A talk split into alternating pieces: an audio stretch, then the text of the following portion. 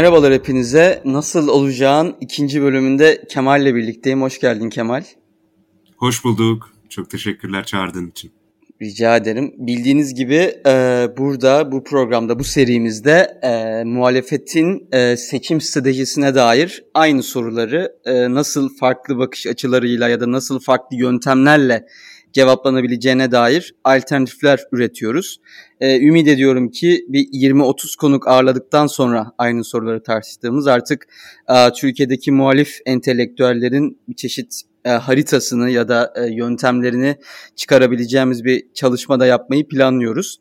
E, canlı yayını takip edenler ve tabii ki daha sonra podcast'ten dinleyecek olanlara e, tekrar hoş geldin diyoruz. E, hemen girelim konuya ilk sorumuzla. E, zaten konu konuyu açacak. Sorular da birbiriyle bağlı. E, sadece e, şunu söyleyeyim. Bir saat olduğu için program. Lütfen bana kızma. Seni hızlı ol ya da e, soru, cevabını kesersem. Ama bir an önce başlayalım ki zaman rahat rahat yetsin.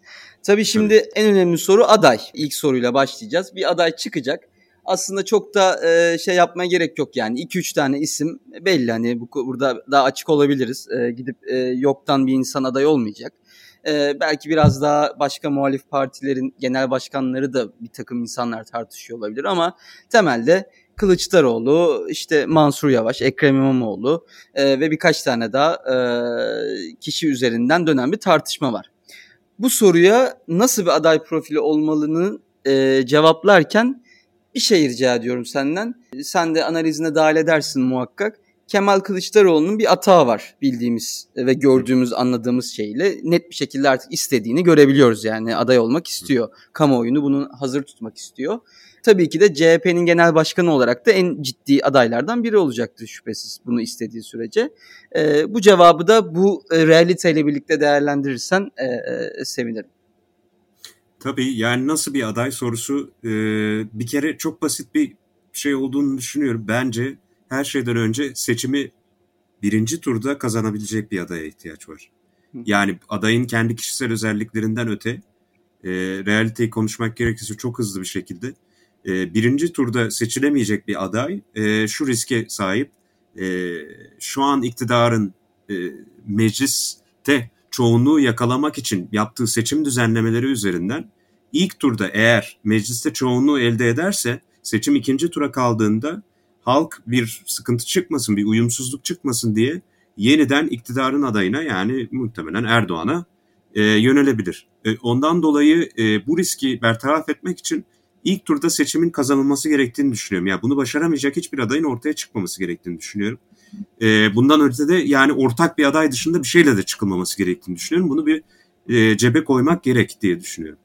E, ortak bir aday çıkmazsa, e, mutabakata varılacak bir aday çıkmazsa ilk tur sıkıntıya düşecektir. İlk tur sıkıntıya düşerse de halkın Erdoğan'a geri dönme ihtimali var. E, ilk turda daha çok e, oy alsa bile Erdoğan'dan biri.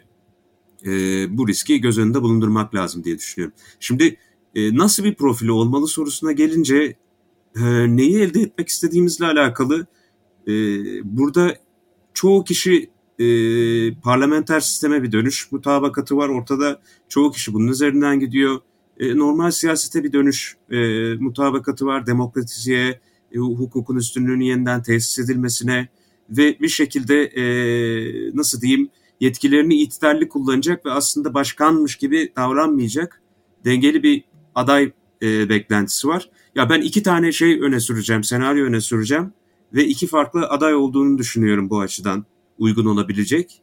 E, eğer böyle bir senaryoysa mesele yani e, bir şekilde e, bütün grupların mutabakatının sağlandığı ve olabildiğince hızlı bir şekilde parlamenter sisteme geçişin sağlanmak istediği, e, normalleşmenin hızlı geç, yapılması istendiği bir durumda yani bunun için en ideali de aday Kılıçdaroğlu olacaktır bence açıkçası.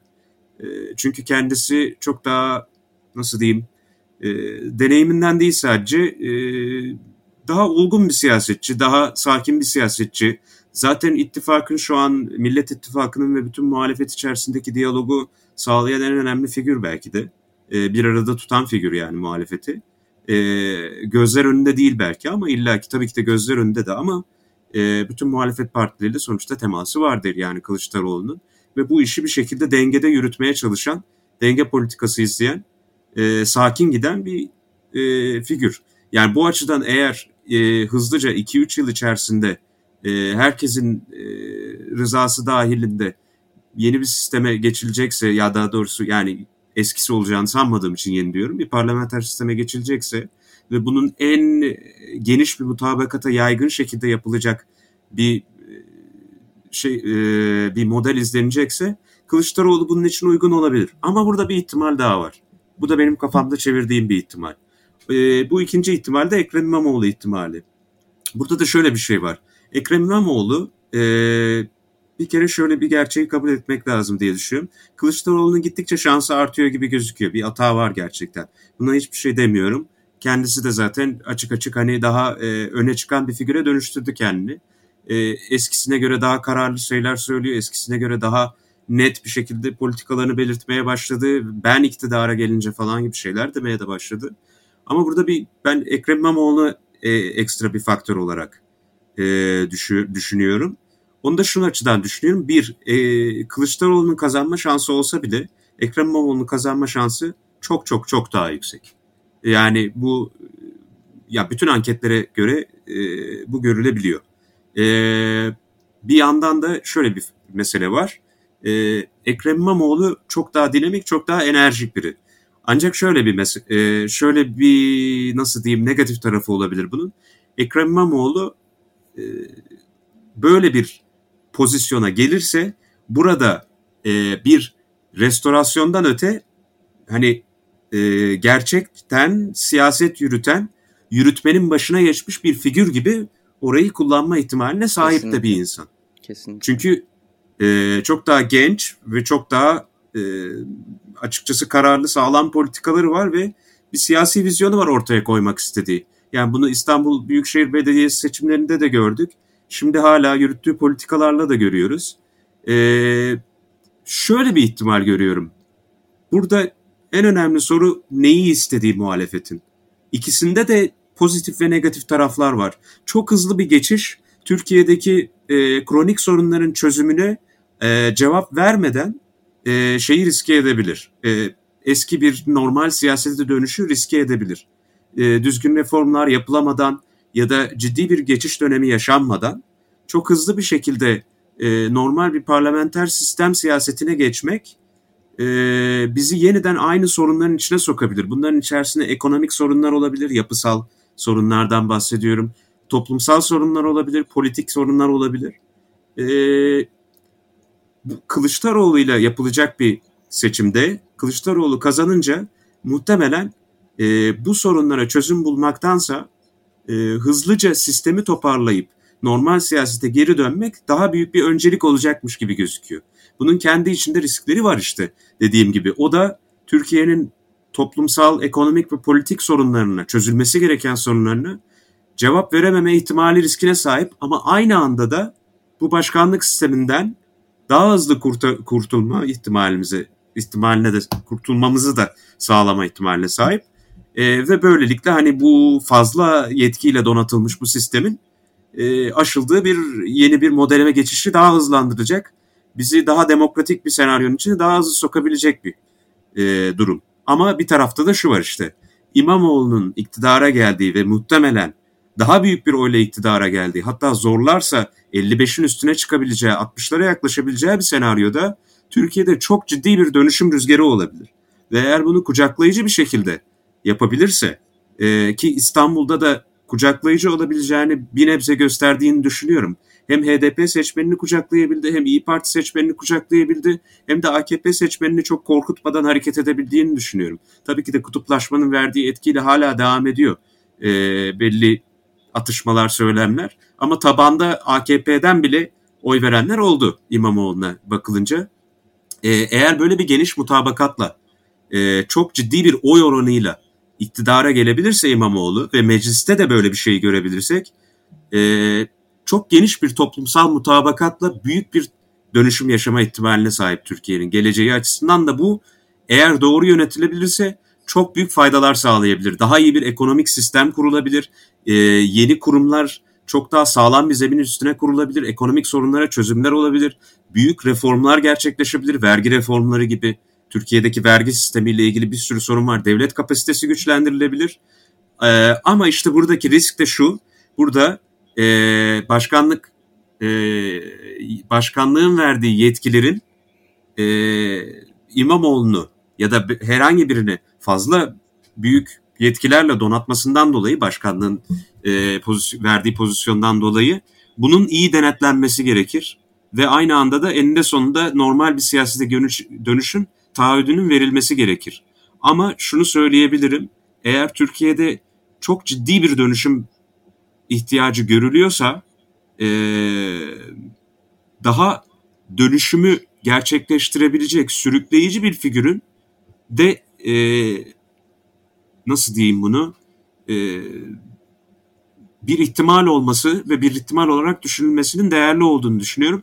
Çünkü hem dünya olarak hem de Türkiye olarak çok ciddi bir dönüşüm sürecinden geçiyoruz. Dünyada da çok büyük bir ekonomik dönüşüm sürecinden geçiyoruz. Bir şekilde Türkiye bunlara ayak uydurmak zorunda.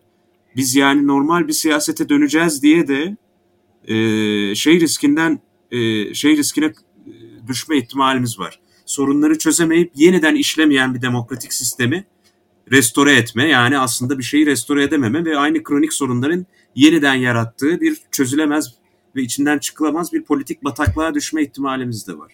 Yani ya. büyük bir dönüşüm nasıl gelir sorusuyla alakalı bence bu verilecek cevap diye düşünüyorum. Ee, bence e, aday tartışmasına çok güzel bir çerçeve çizdim bu arada. Ee, bütün dinleyenlerin de günlük hayatında kullanmasını tavsiye ettiğim bir çerçeve. Hani kişilerin şunun kaşı şöyle bunun liderliği 10 puan birinin yok şu, şu kadar puanla analiz etmek yerine ne istediğimiz üzerinden bir çerçeve çizdin. Ee, ben de çok kısa görüşümü söylemek istiyorum çünkü çok önemli bir noktaya değindim bence. Ee, muhalefet içindeki belki de en önemli risk olası bir seçim zaferinden sonra çok farklı bileşenler olduğu için e, süreçte e, farklı gruplar farklı haklar iddia edebilir e, dönüşüm sonrasında. Yani belki seçim zaferinde daha yüksek bir payları olduğunu iddia edebilir. İşte farklı talepler çok fa- hemen iç çatışmaya dönebilir bu gruplar arasında. O yüzden e, şu an için aklımda yani çok üstüne daha yeni yeni düşündüğüm bir şey. E, gerçekten yüksek oyla seçilebilecek ve adeta işte belki de Erdoğan'ın 2002'de geldiği gibi e, bir noktada bir liderin sorgulanamaz ya da e, son söyleyen ve meşruiyeti de oy oranıyla sabit bir liderin orada işleri biraz e, organize ettiği ve o havanın bozulmasını engellediği bir senaryo daha mı e, bu kadar farklı grupların e, iç içe olduğu bir muhalefet şeyinde daha mı iyi olur? E, ya tabii Kılıçdaroğlu da oy, oy oranlarına çıkabilir belki bilmiyorum ama şu an İmamoğlu daha şey gözüküyor. Daha mı tercih edilebilir olur? E, düşünmüyor değilim. Ama e, bilmiyorum ne düşünüyorsun yani şimdi aklıma böyle ya bir küçük şey bir şey eklemek istiyorum. Ee, yani burada tabii e, insanlar radikal deyince yanlış şeyleri fikirlere kapılabilirler ama e, hani ciddi bir sistemik dönüşüme de Türkiye'nin ihtiyacı var. Yani bugün iktidar bile e, anayasa falan diyor. Yani bu sadece iktidarın derdi de değil, bütün Türkiye'nin derdi yeni bir anayasa yapılması. Bunun nasıl yapılacağı çok önemli. Yani biz birden şeye dönersek, böyle kurumları düzgün dizayn etmeden çok hızlı bir dönüşüm gerçekleştirirsek nasıl bir parlamenter sistem olacak o da belli değil de ona dönüşüm gerçekleştirirsek birden hiçbir zaman kendimize anayasa yapamayan 80 anayasası içerisinde sıkışmış kimsenin birbiriyle anlaşamadığı bir şey içerisinde de bulabiliriz. Yani şöyle bir risk var. Ee, eğer parlamenter sisteme geçiş hızlı olacaksa ve bir aday bunun üzerinden gidecekse ki Kılıçdaroğlu'nun iddiası bu.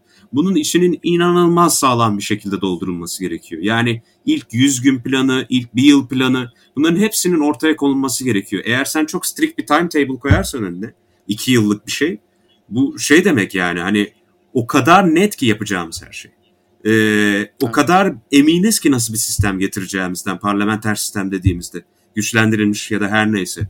Ee, yani iki yıl içerisinde bunu yapacağız. Yoksa sen yani böyle bir şey zorlarsan çok e, oturmamış bir kurumsal sistemi birden dayatıp şak diye insanları bu siyasi sistemin içine atarak yeni kronik sorunlar yaratma riski var. Yani o kadar acele de etmek ne kadar sağlıklı onu da düşünmekte yarar var diye düşünüyorum. Bu şey meselesi değil. Ayrıca şunu da sormak gerekiyor. Bunu ben desteklediğim için söylemiyorum.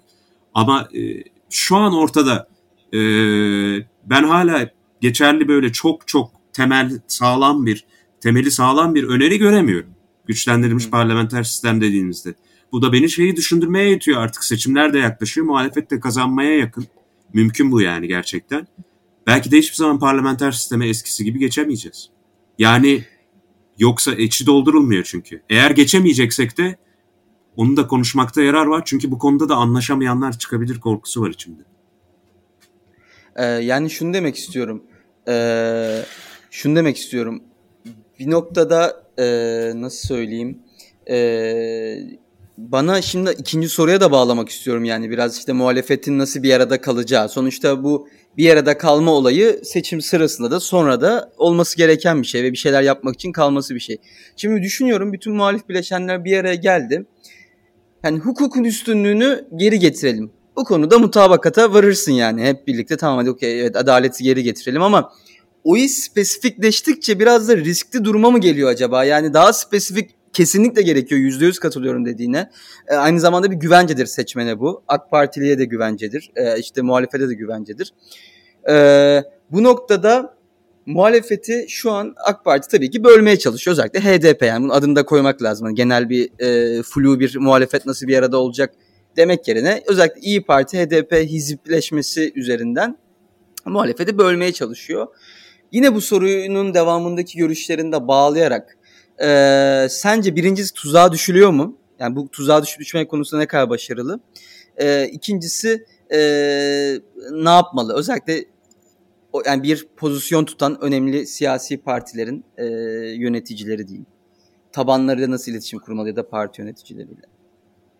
Yani e, bir sürü siyasi parti var ve birbirlerine ön yargılı tabanlar var. Yalan değil bu yani. E, bir tarafta İyi Parti tabanı var, bir tarafta e, şey tabanı var, e, HDP tabanı var, bir tarafta Saadet tabanı var, bir tarafta CHP tabanı var. Onlar da çok şey değiller yani onu da konuşmak lazım. E, tabanda çok birbiriyle uyuşan seçmen kitleleri olmayabilirler.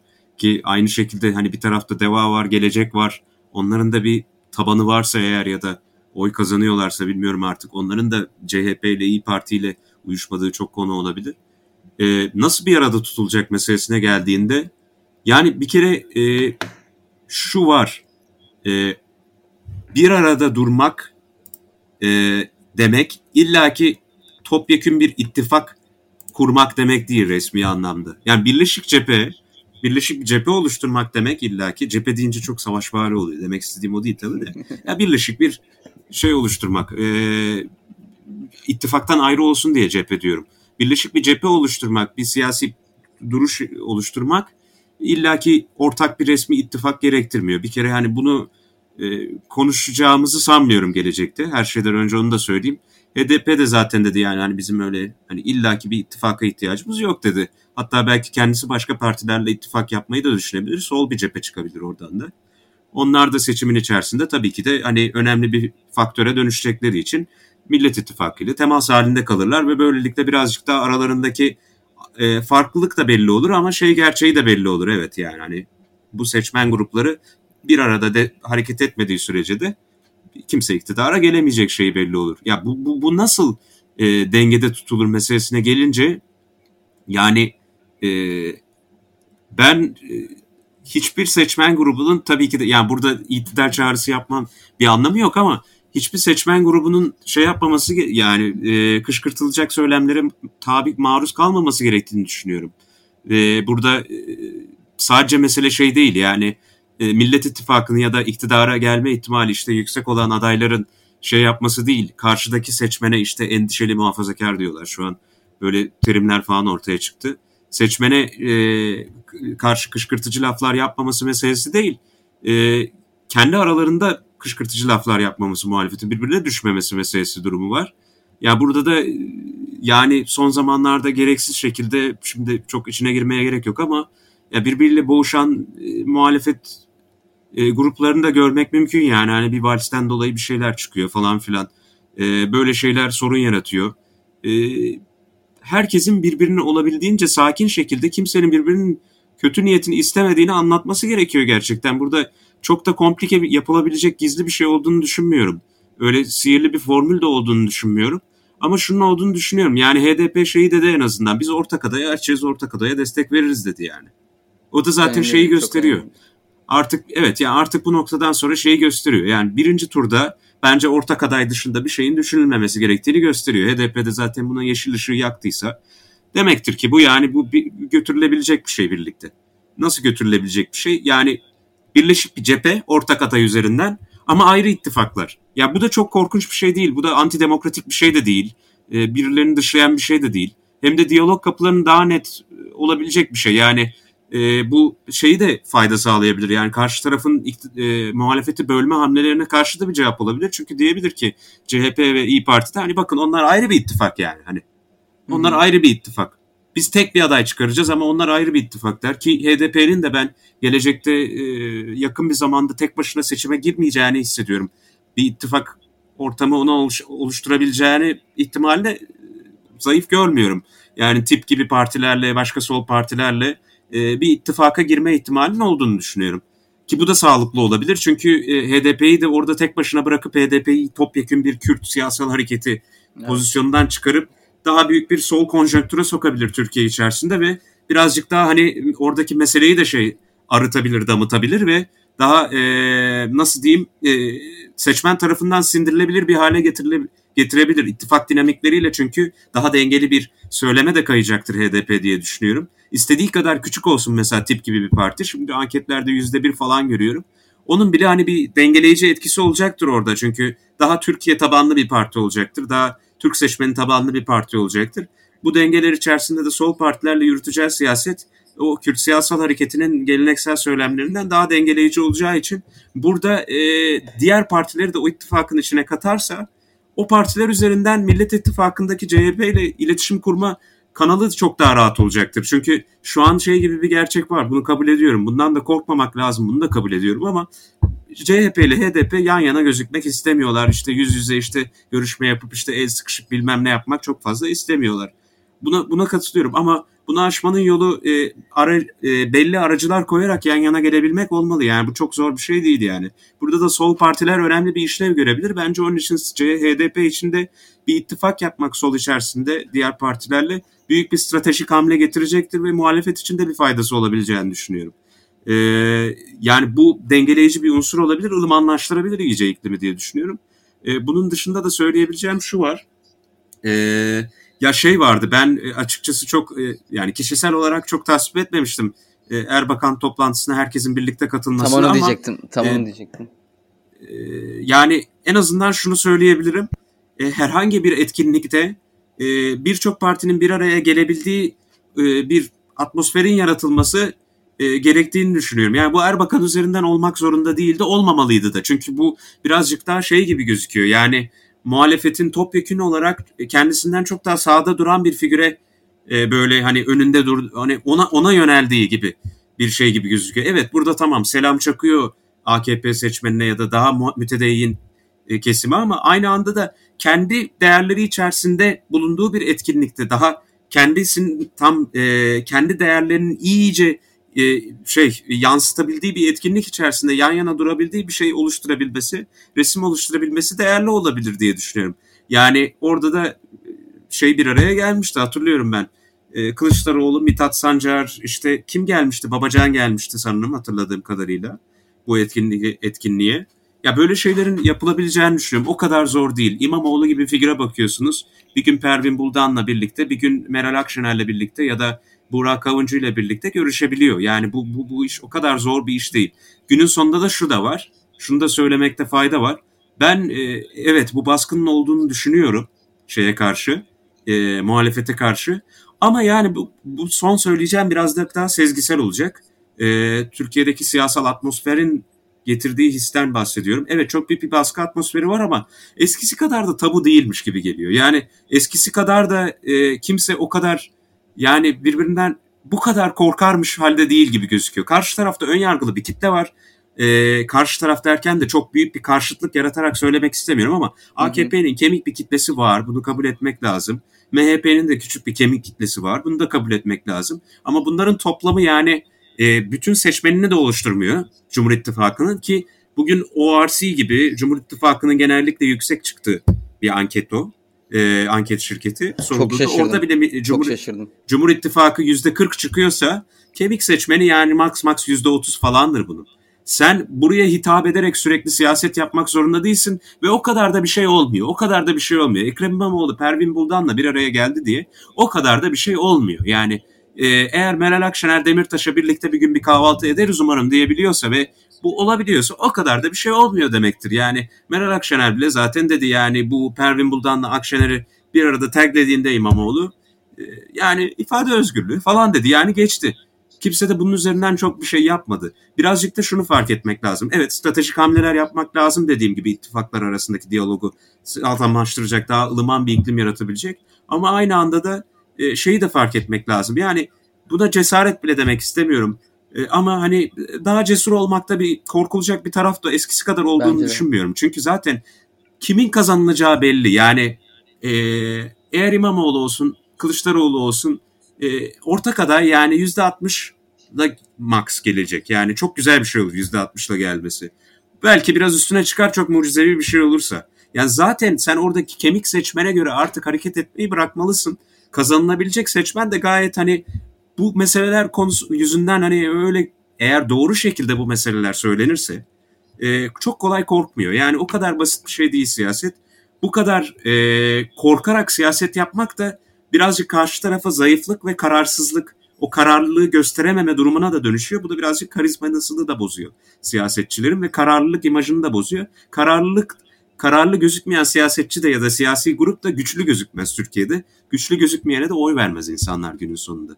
Sen kendine karşı gelen eleştirileri e, göğüsleyip yok canım ya siz ne derseniz ben gene de hani şey yapacağım. Ben Pervin Buldan'la dikiyorum e, işte şey dediğinde fidan dediğinde İmamoğlu'nun oyları düşmüyor. Yani İmamoğlu'nu da kabul etmek lazım ki şu an oy potansiyeli en yüksek aday e, Millet İttifakı içerisinden ve e, HDP seçmenleriyle en rahat görüşebilen ve HDP'deki siyasi partideki figürlerle bir araya gelmiş, sohbet edebilen insanlardan biri. Demek ki engel değil. Bunu da görmek lazım. Ee, evet yani güzel bir tirat oldu. Ayrıca bu kısmı kesip e, ayrıca koyalım e, sosyal medya hesaplarımıza. E, ve e, dediğin çok doğru. Bu arada ORC'nin bugünkü anketine de mutlaka bakın. Ben şok içinde kaldım. Çünkü hani %40'ın altında falan pek göstermezdi. Ya da %39'a falan indirmişlerdi en son diye hatırlıyorum. Şimdi AK Parti'nin oyları yanlış hatırlamıyorsam %32 gibi bir şey söylemişler. MHP ile birlikte %40'a çıkıyor. E, inanılmaz bir şey yani. Şu e, işte sözde diyoruz ya Tayyip Erdoğan figürü şöyle bilmem ne. Yani Kılıçdaroğlu'nun liderlik yaptığı partiler arasında 5 puanlık bir fark var ki e, hani AK Parti'ye yakın bir anket şirketi. Bence de biraz daha cesur olmak gerekiyor. Ee, şeyi de hatırlatmak Bir şey isterim. söyleyebilir miyim? Lütfen. Heh, pardon. Ya şunu unutmaması gerekiyor insanların. Seçim sandıkta kazanılmadan önce zaten kazanılırsa kazanılmıştır. Yani e, bu sandıkta son anda belli olacak bir şey değildir. Yani o RC'de yüzde 40 çıkıyorsa bu kesinlikle kazandığını göstermez muhalefetin ama seçim sandıktan önce kazanılan bir şeydir. Bunun için de zaten kazanacakmış gibi daha cesur, daha kararlı olman gerekiyor. Bu kadar o sandıktan önce hala iktidarda olduklarında yarattık siyasal iklime göre hareket etmemek gerekiyor. Kazandıktan sonra davranacağın gibi de birazcık hareket etmeye başlamak gerekiyor. Kazandığını hissettirmen gerekiyor sandığa gitmeden önce. Birazcık da bu kararlılıkla olur diye düşünüyorum. Ee, güzel, teşekkürler. Ee, şimdi diğer bir soruya geçelim. Ee, bu soru aslında diğer iki tane soru biraz benzer. Ee, soruları zaten sosyal medyaya koymuştum. Biraz e, birbiriyle ilişkili sorular. Ama tamam çok güzel kurduk ittifakı, işte bölünmemeyi başardık, cesur olduk, e, bütün hepsini hallettik. E, ama şu an e, bildiğimiz bir durum var ki e, sürekli sistem yani Ankara diyelim Erdoğan hükümeti ve e, onun sahip olduğu bürokrasiyi sürekli muhalefette uğraşıyor. Şu an bile işte İstanbul'da görüyoruz yani olabildiğince e, otobüsleri kredi için onay vermiyorlar ve zevk alıyorlar otobüslerin bozulmasından, insanların orada otobüs itmesinden. İşte başka bir şey oluyor e, bundan zevk alıyorlar. Metro açıyorlar e, orada ikilik yaratıyorlar. U bilmem ne falan. E, bir takım başka soruşturmaları oldu bir yokladılar şöyle bir öyle bir şey çıkar mı diye çıkmadı neyse ki. Hani kendilerine zarar verdiler. E, biz de biliyoruz ki e, seçim zamanı e, yine bir güvenlikleştirme söylemi altında olabilir. Operasyonlar artabilir. E, var olmayan güvenlik krizleri ortaya çıkabilir. Neticede demek istediğim şey şu ki devlet gücünü kullanarak basına baskıyla, kriminalize ederek ya da bir takım başka yöntemlerle bu seçimin adil bir seçim olmayacağını e, tescilleyebilir. Zaten hmm. geçen haftaki konuğumuz şunu dedi. E bu seçimin bir kere bir adil olmayacağını bir kabul etmek gerekiyor dedi. Hani bütün muhalefetin de nasıl adil yaparız falan filan ya da şöyle olursa adil olur diye bir değil de. Sen bu konuda birincisi ne kadar ileri gidebilirler? Sence İstanbul'daki gibi mesela her yaptıkları hamle birazcık da aleyhlerine çalışacak bir düzleme mi dönüşür muhalefet o dalgayı alırsa? Ee, yoksa gerçekten yani yakın bir seçimde e, bu tarz durumlara karşı muhalefet ne yapabilir? E, devlet gücünü kullanarak atmosferi değiştirmeye dair. Şimdi iki ihtimal var işte dediğin gibi. Bir yüzde altmışla muhalefetin kazandığı bir seçimde yani artık hani orada ne kadar karşısında durmaya çalışırlarsa da çok çok çok zor olacaktır. Yani Türkiye'de ne olursa olsun hala Türkiye tarihinde değişmeyen bir şey varsa o da sandığa insanların bir şekilde eninde sonunda günün sonunda hani saygı duyduğu demesen bile hani e, evet seçim sonucu bu dediği bir şeye dönüşüyor sandık. Yüzde altmış da herhangi bir şekilde müdahale edilemeyecek, tartışılamayacak. Yani işte şurada şöyle sıkıntı çıkmıştı belki işte şey olur denilemeyecek kadar şey bir şey. Yani İstanbul seçimleri e, yakındı ama yani dediğim gibi bunun için bir kere seçimden önce yapılması gereken en önemli şey %60'a çıkabilecek potansiyeli yaratabilecek kadar güçlü bir halde gelmek. Bu yapabileceği en iyi şey yani. Evet. Yani çünkü bu direkt bertaraf eder riski. E, ona karşı bir şey ya arada 20 puan farkı hiçbir şekilde kapatamaz. Hiçbir hiçbir algıyla, hiçbir medya gücüyle, hiçbir sokak gücüyle çok çok çok zor bu. Ee, bunun için de işte şeyin bir önemi var diyorum. Ee, ilk soruna geri dönerek diyorum. Evet hani adaylar önemli ne yapmak istediğimiz için ama birazcık da hangi adayın ne kadar büyük oyla geldiği evet sen de dedin sadece bunu hesaplamayalım ama ne kadar büyük oyla gelebileceği, ne kadar büyük bir dalgayla gelebileceğinin bu açıdan da çok büyük bir önemi var. Yani seçimi kazanmak için evet Kılıçdaroğlu da kazanabilir, İmamoğlu da kazanabilir diyebiliriz günün sonunda. Kılıçdaroğlu 52 ile kazanabilir, belki de daha fazlasıyla kazanabilir bilmiyorum. Sadece şey olarak söylüyorum şu an anketlerde daha düşük olduğu için öyle diyorum. Ama İmamoğlu diyelim ki 55 üstüyle 60'la falan kazanabildiği bir durum senaryo ya insan bir düşünmesi gerekir. Yani biz seçimden sonra bir sıkıntı çıkmasın, güvenlik sorunu çıkmasın ve en rahat şekilde bu geçiş yapılabilsin diye acaba hani en kolay kazanabilecek kişiyi de hani bir düşünebilmeli. Orada bir ihtimal olarak tutmalı mıyız diye bir sormalı kendini. Çünkü yoksa başka meseleler ortaya çıkacak. Onları da konuşmak istiyorum. E, soracağım bir şey varsa arada. Yok sadece sadece şey ekleyeceğim. E, lütfen dediğini unutma. E, böyle durumlarda bazen ben unutabiliyorum çünkü araya bir girdiğinde de hemen ekleyeyim geçmeden. E, yani şu sandık güvenliği noktasında özellikle söylemek istedim. Şimdi sürekli deniyor ki CHP işte sandıkları nasıl koruyacak? Muharrem İnce zamanında şu kadar sandığa ulaşamadı. Mü şey müşahit bile gönderemedi. Mücahit diyecektim. Neyse. müşahit bile gönderemedi. Eee belki de korumasına gerek yoktur. Mesela düşünsene tek aday çıkarın bir düzeni hesaba kat. HDP'lilerin e, ya da HDP'nin seçmenin yoğun olduğu bölgelerde HDP'nin aynı adaya sahip çıktığı ve oradaki sandıklara sahip çıktığı. İşte İç Anadolu'da İYİP'e oy veren insanların aynı adaya ve sandıklara sahip çıktığı.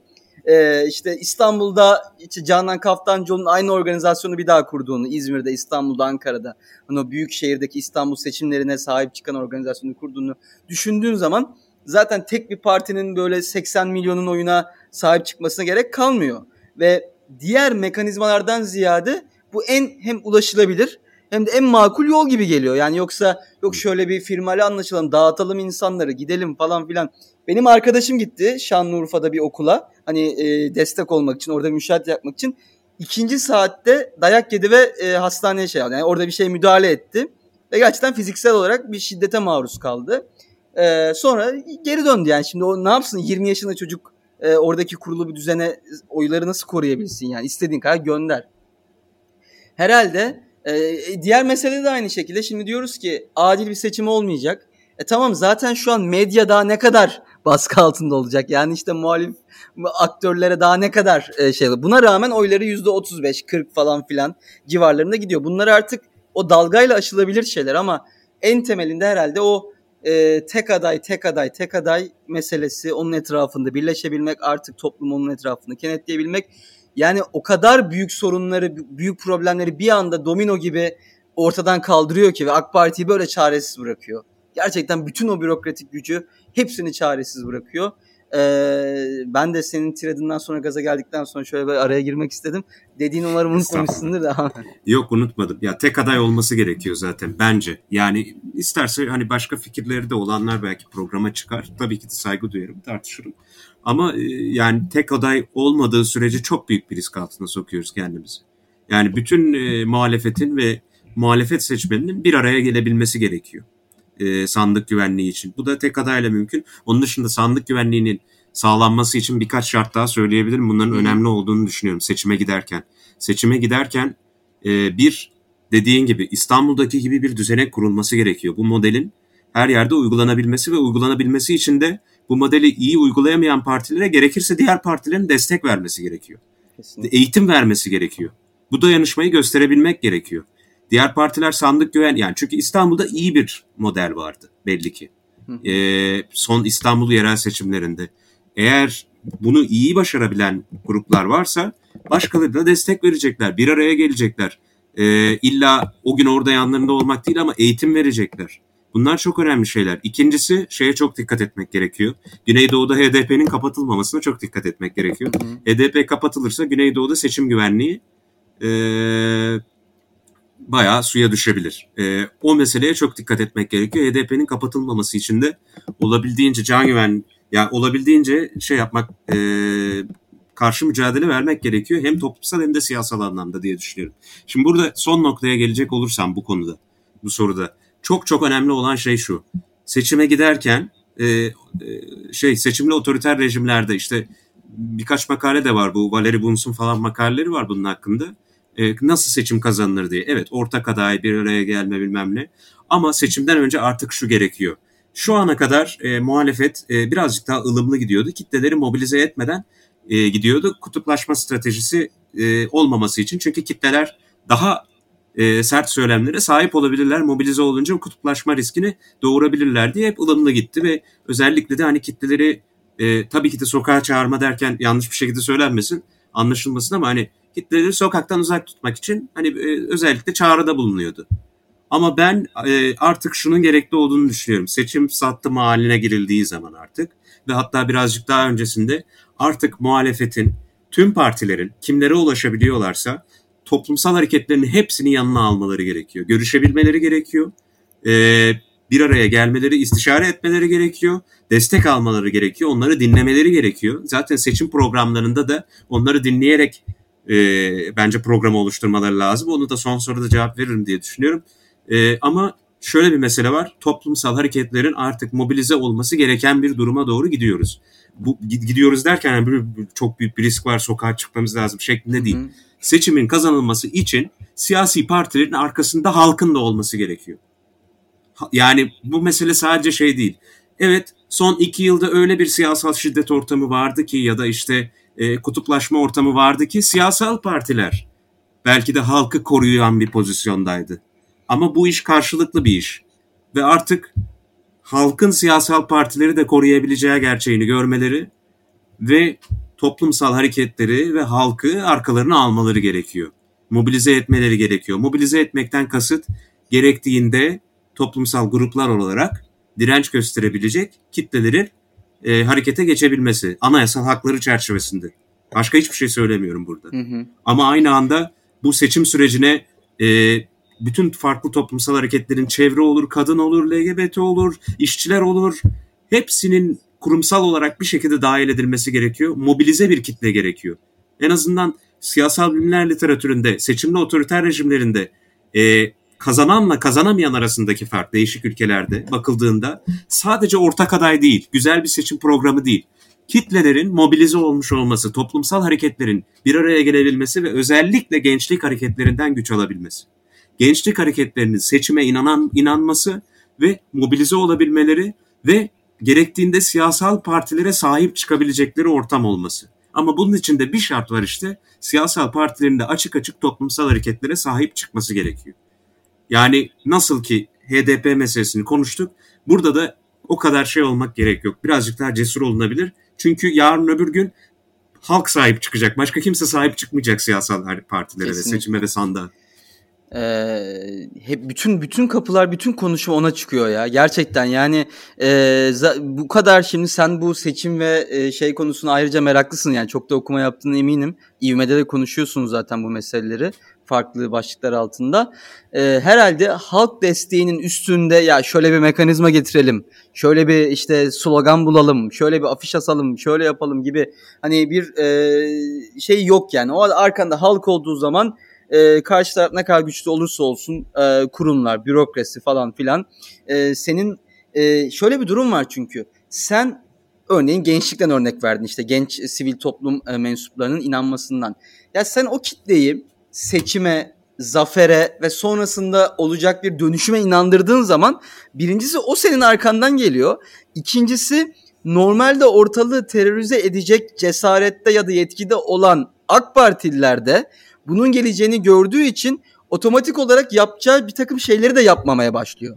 Çünkü sen iktidarın çok yüksek ihtimalle değişeceğin 3 ay sonra, 5 ay sonra, 6 ay sonra değişeceği bir ortamda bu dönüşümün içinde ismini böyle bir şeyle şey yapar mısın? E, lekeler misin ya da bu riski alır mısın? Çünkü tamam okey belki AK Partili yüksek isimler yargılanacak bilmem bilmiyorum o meseleleri ama küçük balıklar genelde ilk gidenden ilk böyle şey atılanlar olur. Eee haybeye gidenler olur yani. E, birilerinden bir ne derler tırnak için intikam alınacaksa ya da birilerine hesap sorulacaksa. Yani en kolaydır. Toplumsal desteği yoktur falan filan. Bu her yerde böyledir. Senin kendi kitleni seçime ve zafere inandırman demek aynı zamanda AK Parti'yi de o günün geleceğine inandırmak demektir. O da zaten yine birçok hmm. tehlikeyi otomatik olarak bertaraf edecek. Daha yaşanmadan e, bertaraf edecek bir e, durum olabilir. E, yani mesele burada, şey değil. Ha, lütfen. E, benim elimde şu kadar kağıt oy var, arkamda bu kadar kağıt oy var değil. Benim elimde, benim arkamda e, koskocaman halk var. Aynen. Şeyini gösterdiğinde o şeydi. E, bunu hiçbir şekilde kötü bir şekilde söylemiyorum. Ama yani demokratik siyasetin gereğidir bu. Bak benim arkamda halk var. Hani bil yani. Hani bu, bu başka türlü olmaz bu iş. Evet. Yani bu şeydir yani. Hani bu işin tek sağlıklı yolu bunun demokratik bir şekilde gücün transferidir. Başka bir şey değildir. Bunun dışında başka hiçbir şeyi düşünemezsin. Çünkü arkada duranlar belli demek. Yani birazcık böyle bir mesele var yani. Shiborsky falan bahseder bundan literatürde. Ee, bu, bu tarz şeylerle ilgili daha detaylı sorunuz olursa da yorum atabilirsiniz ya da Kemal ile iletişime geçebilirsiniz. O da e, paylaşmaktan mutluluk duyacaktır. Tabii ki. Ee, şimdi son sorumuza geçelim. 15 dakikalık bir vaktimiz kaldı. Ee, şu ana kadar konuştuk. Ee, ben gerçekten e, bayağı ikna oldum dediklerine yani. E, çok güzel kavramsallaştırdın aklımdakileri de. E, nasıl olması gerektiğini, ne yapılması gerektiğini, çaresini şunu konuştuk. Bir de şimdi ama e, bundan bağımsız bir gidişat var. Bir şeyler yaşanıyor, değişiyor. Yani e, şey hep örnek veriyorum. İşte e, siyasetçiler bazen korkuyor ya aman tabanlar şöyle olursa ne olur falan diye. Yani CHP'nin içinden iki tane siyasi parti çıktı. Memleket e, Partisi ve e, işte Öztürk Yılmaz'ın partisi. Sözde o zamanlarda aman işte onlar temsil ediyor e, bir tabanları rahatsız etmeyelim istifalar vekiller falan filan ama pekala e, demek ki CHP seçmeni ikna etmiş ki bütün bu politikalara. Orada bir zorluk oldu. Bunlar da olacaktır. Ama e, hani yüzde beş kopmadı yani kitleler CHP'den falan filan.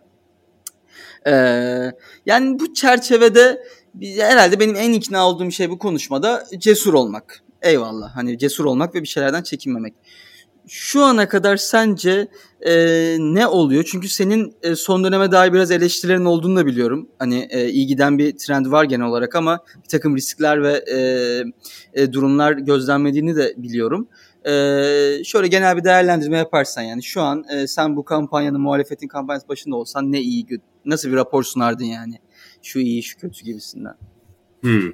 Ee, ya evet ya bu konuda yani aslında bayağı bir eleştirim var. Yalan değil iyi yapılan şeylerin yanında eleştirim var. Yoksa iyi bir şey gitmesi zaten anketler böyle olmaz. Onu da söyleyeyim yani baştan. Hak, iyi de öldür hakkını ver. Ee, şey e, ama şöyle bir sorun var yani artık bir noktada ben somut ve elle tutulur politikaların nerede geleceğini sorgulamaya başladım. Ne olacak yani e, neyin bir kere restorasyonsa mesela mesele neyin restorasyonu yapılacak? E, neye geri bir şeye geri dönmek isteyen bir halk olduğunu sanmıyorum. Bir kere o bir. E, restorasyon kelimesini hiç sevmiyorum o açıdan. E, bunun hakkında da politik yola bir yazı yazacağım zaten de şey e,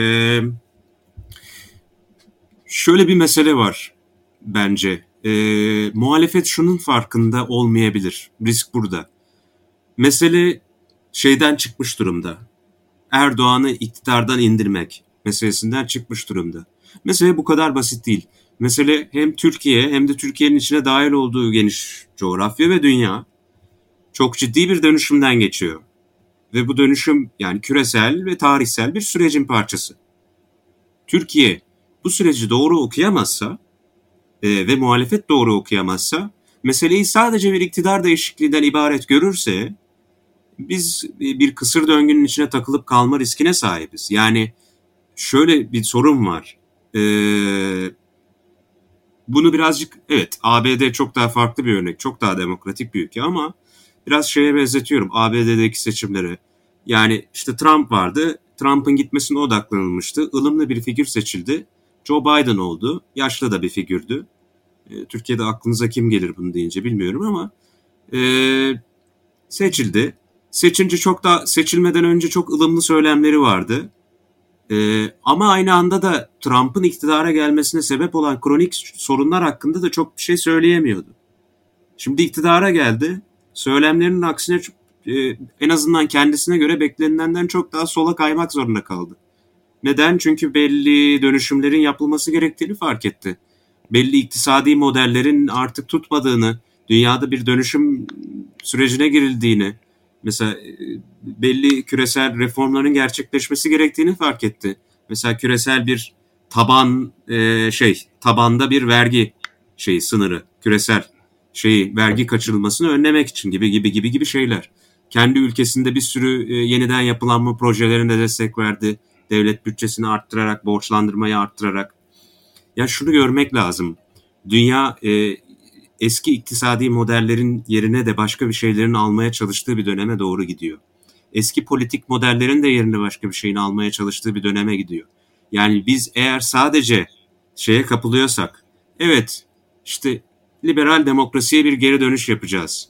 Geri dönüşten kastımızın ne olduğunu merak ediyorum. 10-15 yıl öncenin batı demokrasilerindense kasıt, 10-15 yıl öncenin batı demokrasilerinin bugün geldiği halde zaten onlar kendi içlerinde bu sistemin yarattığı kronik sorunlardan dolayı bir sürü şeyle boğuşuyorlar. Fransa'da Le Pen var, Almanya'da farklı, yani her yerde popülist hareketler var, her yerde antidemokratik hareketler var. Popülist hareketlerin hepsi antidemokratik olmak zorunda değil. O ayrı konu da antidemokratik hareketler de var yani yükselen. Bunları görmek gerekiyor ve şunu görmek gerekiyor. Bu demokrasiyi tehdit eden şeyin e, kökeninde yatan sebepleri görmek gerekiyor bence. Ekonomik ve siyasal olarak hangi kurumsal yapılar bunları sıkıntıya sokuyor? Bunların bir restorasyon, restorasyon değil işte bu. Yeni bir dizayn gerekiyor, tasarı evet. gerekiyor. Yani 10-15 yıl öncenin liberal demokrasileri ya da Fukuyama'nın e, şey yaptığı, böyle tasvir ettiği tarihin sonundaki o liberal demokrasi kavramı e, bizim için bir ideal olarak kafada duruyorsa, e, bunun gerçek olmadığını şu an Batı demokrasilerinin düştüğü halden görmemiz gerekiyor. Kendileri bile kabul ediyorlar ki, Batı entelijensiyası bile kabul ediyor ki, liberallerinden solcularına dair ki solcular en baştan beri söylüyordu, tarihin sonu falan yokmuş. Bizim liberal demokrasi dediğimiz o idealleştirdiğimiz kavram ya da yapı hiç ideal değilmiş ve başka kronik sorunlara yol açıyormuş ve onun içerisinde de e, çok sağlam reformların gerekli olduğunu görüyormuşuz noktasına geldiler. Ya bunu okumak gerekiyor. Türkiye neye hazırlanıyor, neye dönüşecek? Ben günlük ekonomi politikalarını bir kenara koyarak bunu söylüyorum. Bu sistemik dönüşümü yakalayamazsa Türkiye, bir sıçrama yakalayamazsa bu şekilde yani gene geriden topal ördek gibi devam etme riski var. Yani bizim kurumlarımızı güncellememiz gerekiyor derken kurumlarımızı sadece 10-15 yıl 20 yıl öncenin idealleştirdiğimiz kafamızdaki liberal demokrasi kavramına göre güncellememiz gerekmiyor. Batıdaki tartışmalara bakmamız gerekiyor. Çünkü orada da güncellemeye çalışıyorlar. Amerika'da olsun, İngiltere'de olsun, Almanya'da olsun ki Almanya'da bir sonraki seçimlerin çok çok önemli olduğunu düşünüyorum. Çünkü hı hı. tamamen tersine dönecek muhtemelen iktidar. Sol iktidara gelecek bu sefer. Yani ister sol deyin, ister sosyal demokratlar deyin. e, gidecek yani muhafazakarlar. E, ve e, bir sürü sistemik dönüşümün konuşulduğu yerde Türkiye'de sadece işte e, şey gibi bir e, vaat vermek, e, vaat sunmak. Ya hani e, başkanlık sistemi kötüydü, güzel bir parlamenter sisteme geçeceğiz. İşte akılcı politikalarla yönetince işte eşitsizlikler azalacak, işsizlik bitecek. Hayır bu kadar kolay olacağını düşünmeyelim. Yani yoksa hani bizim arzuladığımız şey birçok batı demokrasisinde olan şeyler ama o batı demokrasilerindeki kronik sorunlar bitmiş değil. ABD'deki eşitsizlikler bitmiş değil. Avrupa'da ciddi sorunlar yaşanıyor hala. Yok, e, yoksulluk bitmiş değil. Eşitsizlikler hiçbir ülkede bitmiş değil zaten. Fransa'da keza aynı şekilde. Hadi Fransa başkanlık sistemi. Ee, oradan sorun çıkıyor diyebiliriz ama yani Fransa iyi bir demokrasi yani şimdi kabul etmek gerekirse kurumsal anlamda. E yok bu kronik sorunları yani içinden çıkamadığı bir sürü sorunu var. Bir sürü protesto oluyor. Neden oluyor diye düşünmek lazım. Sarı yelekliler oldu. E, Löpen'in e, ciddi bir gücü var yani bunlar hiç e, hafife alınacak şeyler değil. Benim en sorunlu gördüğüm şey güncelik politikalar, güncel politikalardan da öte. Yani iktidara gelince evet daha rasyonel bir ekonomi yönetimi tesis edilecektir. İşte hukukun üstünlüğüne dirayet şey yapılacaktır, e, sadık kalınacaktır. Ondan sonra test edilecektir işte hukukun Pardon Siri benim yerime konuşma ihtiyacı duydu. Ee, neyse e, e, bunlara e, bunlara saygı duyulacaktır. Buna göre bir yönetim sistemi oluşturulacaktır. Bun, Okey bunların hepsini anlıyorum. Daha akılcı politikalar gelecektir. Ama kökende sistemde bir sorun var. Şimdi e, ne kadar vaktimiz var bilmiyorum. Sanırım bir 5 dakika var, daha evet, var, var, değil var, mi? Var, var, var. Ya şimdi AKP iktidara geldiğinde tam öncesinde çok büyük bir Türkiye'de sistemik dönüşüm yaşanıyordu ve aslında e, yani Türkiye'nin 2001 kriziyle birlikte ve daha öncesinde yaşadığı krizlerle de birlikte artık e, tamamen 80'lerde başlayan ama e, 2001'de artık tamamen uygulanan bir şeye geçti. Bir e, Washington konsensus şeyine geçti yani pozisyonuna geçti. E, neoliberal iktisadi doktrinlerin iyice hüküm kazandığı e, ve iyice o paradigmanın içine girmiştik. Yani sistemik bir dönüşüm olmuştu. E, ki yani 90'ların sonu 2000'lerin başı da e, neoliberal iktisadi doktrinin dünyada tavan yaptığı, para bolluğunun çok yüksek olduğu, böyle bir sistemin olduğu bir yerdi. Yani böyle bir sistemik şart vardı, koşul vardı. Yani 2008 sonrası bu çöktü zaten. Yani ve yavaş yavaş da bunun yerine bir şey doğamamasının sonuçlarını da görüyoruz. Şimdi bunların hepsini okuduktan sonra bir şeye geri dönme ya da bir şeyi geri dönme arzusu ya da bir geçmişteki bir şeyi idealleştirme e, riski çok büyük bir risk diye düşünüyorum. Bizim geçmişe dönme gibi bir lüksümüz yok Türkiye olarak. Bu şey demek değil, demokrasiye geri dönmeyelim değil. Tam tersi. Demokrasinin ayakta kalabilmesi için geçmişteki o kurumsal yapıların üstüne yeni şeyler konulması gerektiğini görmemiz lazım. Çünkü batıda da demokrasiler belli çürüm belli çürüme riskleriyle karşı karşıya kaldılar bugün. O kurumsal yapılarını dönüştürmekte zararlandıkları için. Şimdi Türkiye'nin gene 99'da ya da 2001'de olduğu gibi sistemik bir dönüşümle karşı karşıya olduğu bir duruma gidiyoruz. Çok büyük bir ekonomik krizle birlikte. Biz bu krizi sadece sağlıklı, akılcı, rasyonel politikalarla atlatmak gibi bir e, yanılgıya düşersek karşımızda duran hem dünyadaki koşulları hem de Türkiye'deki koşulları ve daha e, temelde yatan e, dediğim gibi hep sistemik lafını kullandım ama sistemik koşulları dönüştürmeyi göz ardı edebiliriz. O zaman da bu dönüşümü kaçırma riskimiz var. Çünkü dünya da bu dönüşüme doğru gidiyor bir şekilde. Burada benim bahsettiğim şey falan değil tabii ki işte. Yani işte ne derin ona e, neydi o? The Great Reset gibi bir dönüşüm değil yani. Hı hı hı. Çok daha farklı bir şey, çok daha elitist bir şey. E, ondan bahsetmiyorum. Öyle bir şey de desteklemiyorum da zaten. E, muhtemelen öyle bir şey de olacağını sanmıyorum. İstedikleri kadar zorlasalardı. Hı hı. E, World Economic Forum olarak. Ama e, belli bir iktisadi doktrinlerin ve onun üzerine kurulu olan siyasal sistemin çöktüğü ve demokrasinin ayakta kalması için aslında daha farklı iktisadi modellerin düşünülmesi gerektiği bir döneme doğru geçiyoruz. Çünkü hı hı. bizim de arzumuz diye düşünüyorum. Türkiye'de ve dünyada da ben aklı selim insanların arzusunun e, bir iktisadi doktrini ayakta tutmaktan çok demokratik ve özgürlükçü değerleri ayakta tutmak olduğunu düşünüyorum. Ve bunun için de gerekiyorsa bir iktisadi reform kökten bu gerekiyor. Bu daha önce de yapıldı. 20'lerde çöktü sistem. E, yerine Keynesçi politikalar geldi yani.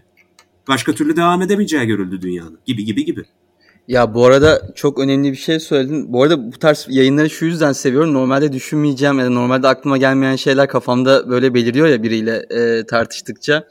E, şey aklıma geldi sen konuşurken. Bence e, örneğin Babacan'ın da hem AK Parti'nin oy koparma anlamında hem de yarattığı hava anlamında biraz sönük kalmasının bir sebebi de bu. Çünkü Babacan'ın, başarılı Babacan'ın tırnak içinde temsil ettiği dünya artık yok. İşte kurumlarla Hı-hı. rasyonel ilişki kuralım, AB ile Hı-hı. yakın ilişkiler kuralım. Şimdi AB zaten kendi içinde bölük bölük. Şimdi sen gelip hadi AB'ye yakınlaşalım dediğin zaman bir anlam ifade etmiyor ki artık.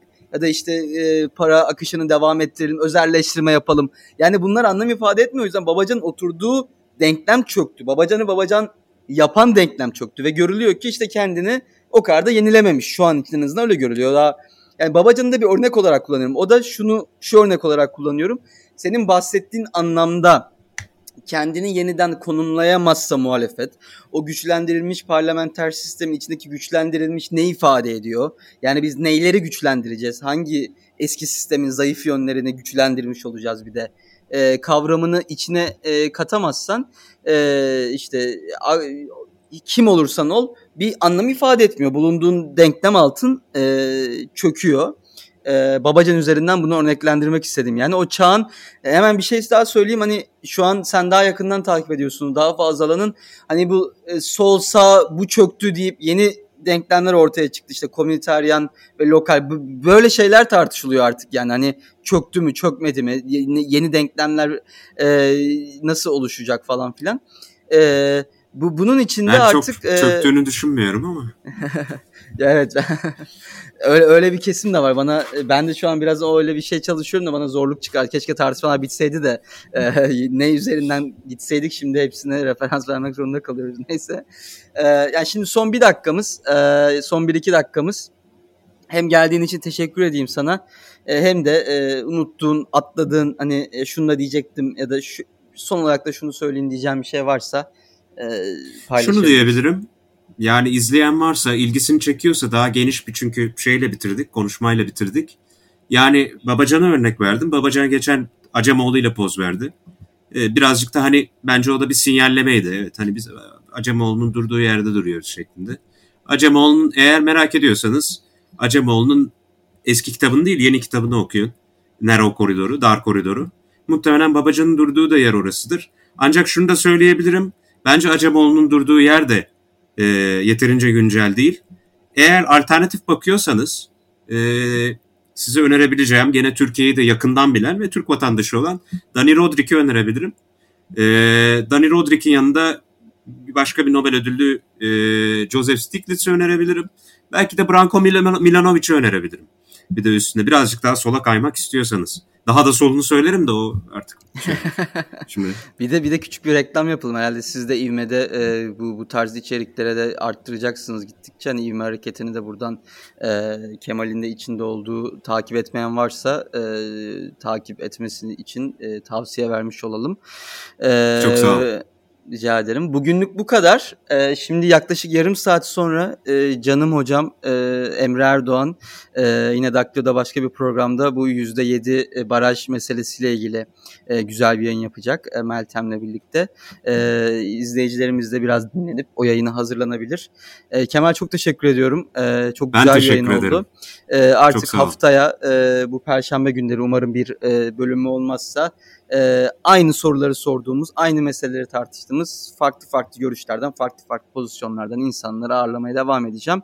E, beğendiyseniz e, yayını beğenmeyi, olmadıysanız abone olmayı unutmayın ve herhangi bir şekilde yayını takip edemediyseniz podcast'te e, yüksek kaliteli bir kayıtta e, bütün yayınlarımızı daha sonra da indirip dinleyebilirsiniz. İyi akşamlar diliyorum. İyi akşamlar.